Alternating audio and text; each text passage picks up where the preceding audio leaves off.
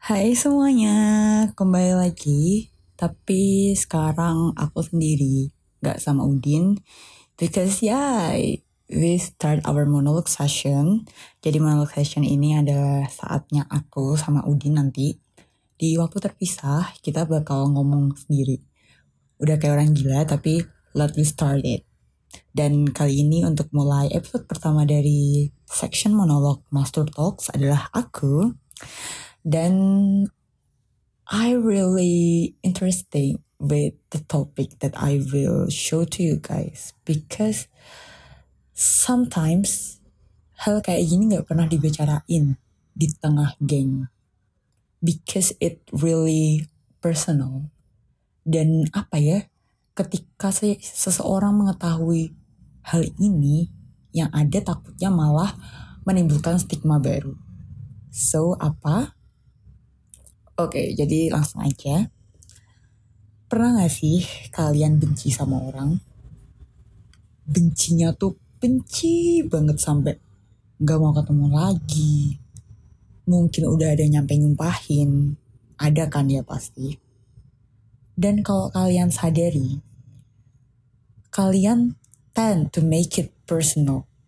I mean jarang banget kayak kamu bicarain, eh aku benci banget sama si A di geng kalian. Itu jarang banget pasti. Kenapa? Karena dengan pernyataan kalian membenci seseorang, si A atau si B di suatu geng, pasti kalian takut akan menimbulkan bumerang. Bener kan? Ya, bener banget. Jadi sama banget sama kayak aku. Pasti ada seseorang atau suatu hal yang paling dibenci. Penyebabnya tuh banyak. Kalau aku misalnya, aku benci seseorang karena wow, dia bermuka dua, sangat bermuka dua. Maksudnya apa? Maksudnya ketika dia menjual, dalam tanda kutip, menjual diri dia di orang-orang, dia pendiam, dia baik, dia kalem, tapi ternyata di luar itu semua, wow, dia sangat wild menurut aku. Dan honest to say, aku dapat impactnya gara-gara dia I feel sad. Sedih banget. Tapi ada juga loh kayak kenapa sih kamu benci? Memang kebanyakan dari orang-orang yang aku tanya jawabannya pasti masalah mereka sama pacar atau sama mantan atau sama selingkuhan. Oke ada yang bilang kenapa dia benci seseorang?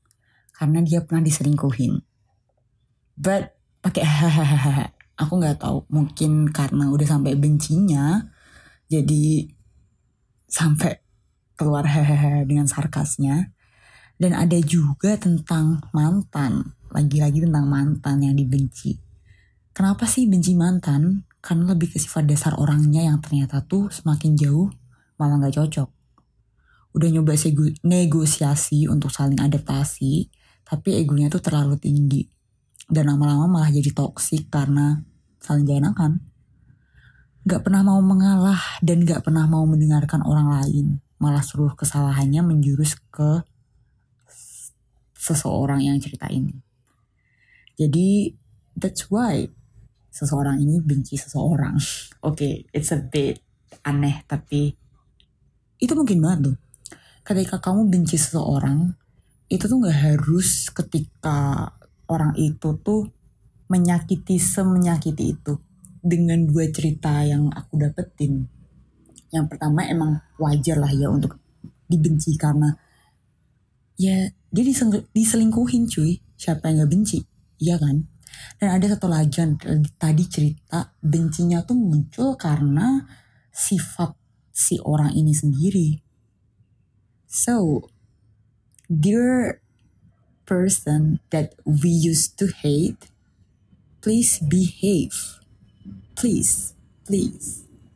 Because what you've done really got me a lot in emotions way.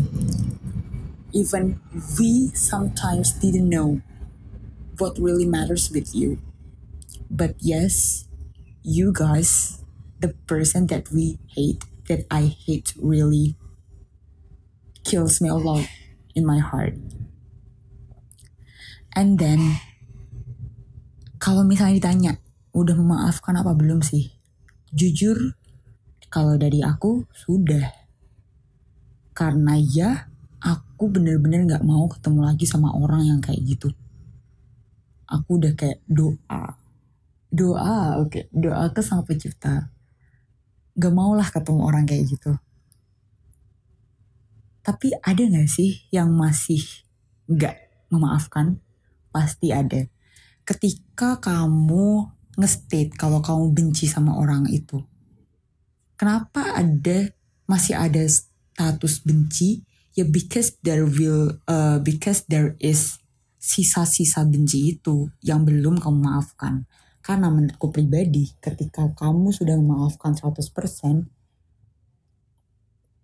yang mungkin terjadi adalah kamu tidak menganggap orang itu ada itu negatifnya positifnya ya udah ketika kamu bertemu dengan orang yang dibenci ini chill man Terus gimana sih dengan orang-orang yang tadi aku ceritain masalahnya?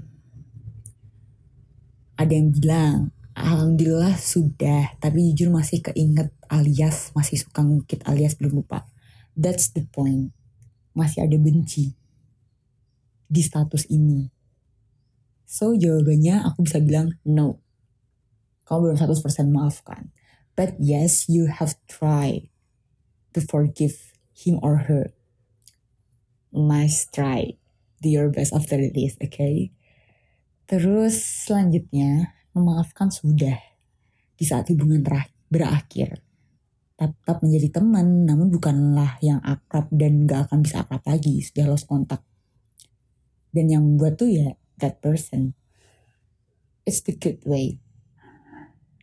Ini contoh yang bagus dan aku bisa bilang adalah ini contoh ketika dia bisa maafkan loh dia udah bisa berteman dan dia mencoba untuk membuka relasi dengan status baru menjadi teman tapi malah orang lainnya itu yang gak mau berteman tapi ini udah ada sign untuk bukan udah ada sign ini emang sign sudah memaafkan so nice try.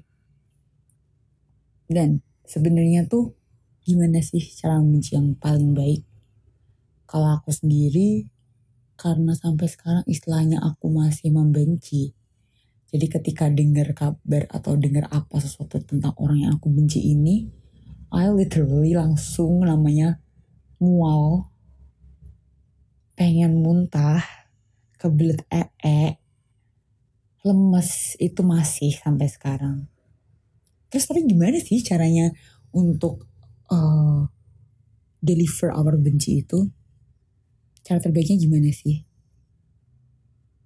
Menurut seseorang, gak ada cara membenci yang terbaik. Karena jujur aja, menurut orang ini, benci tuh bener-bener buang-buang energi. Betul banget, aku setuju. Dan waktu, yes that's it. Bukannya mau sok baik ya, tapi emang gitu nyatanya. Jadi mungkin cara terbaik benci dengan tidak membenci. Bener banget. Tapi back it, back at it again, itu sulit. Beneran. Terus kita lihat untuk cara positifnya yang diceritain oleh salah satu teman aku. Gimana sih cara membenci paling baik? Adalah back to ourselves. Selalu berjuang untuk membaik, memperbaiki diri dan menjadi orang yang lebih baik untuk membuktikan bahwa hidup tanpanya, hidup diusik dengannya bukanlah suatu akhir. Tunjukkan padanya bahwa kita berakhir karena dia tidak layak bersamaku and dirinya sendiri deserve something better. Setuju banget. Kalau dari aku sendiri cara paling benci adalah mirip banget sama salah satu statement yang disebutin temen aku. We have to make ourselves better than him or her. Sampai dia nyesel, istilahnya dia nyesel pernah punya gawe, pernah ada masalah sama gue, and then akhirnya dia malu sendiri kayak, oh ya ampun dia hebat banget. Ya gue harus mundur gue nggak pantas punya masalah sama dia. Itu sih itu cara membenci yang paling balik. Dan sebenarnya itu bukan cara membenci paling baik tapi lebih menjurus ke cara dendam gak sih guys taking grudge gak tahu tapi aku orangnya nggak mau dendam untuk benci-bencian ini ya let it grow kalau emang saatnya sudah menurun pasti akan menurun sendiri pada waktunya. Tapi apakah kalian pernah mikir kalau misalnya orang yang kalian benci ini benci kalian baik balik? Gak tahu kan? Kita gak pernah tahu kan?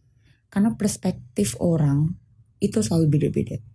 Mungkin aku cerita ke seseorang tentang kisah aku benci seseorang ini, seseorang bakal jadi si A ini bakal jadi uh, apa ya pembelaku ya karena emang dia uh, pembelaku tapi kalau misalnya orang yang aku benci ini cerita ke B bisa aja B bela si orang yang aku benci ini loh so uh, ini lebih ke rantai ya emang kamu gak bisa untuk benci terus-terusan aku nggak tahu suatu hari nanti kita bakal ketemu sama orang yang kita benci lagi atau yang bahkan lebih parah tapi memang cara terbaik adalah ketika membenci adalah tidak membenci lagi. Usahakan diri kamu untuk tidak membenci lagi. It's the best way. Karena it's like nothing to lose. Nothing to lose-nya ketika kamu mencoba untuk tidak membenci lagi, dia masih tetap yang apa ya istilahnya kayak ganggu kita, ya udah nanti lama-lama dia yang capek. Mungkin saat ini gampang ngomong kayak gini, tapi hey guys, life must go on.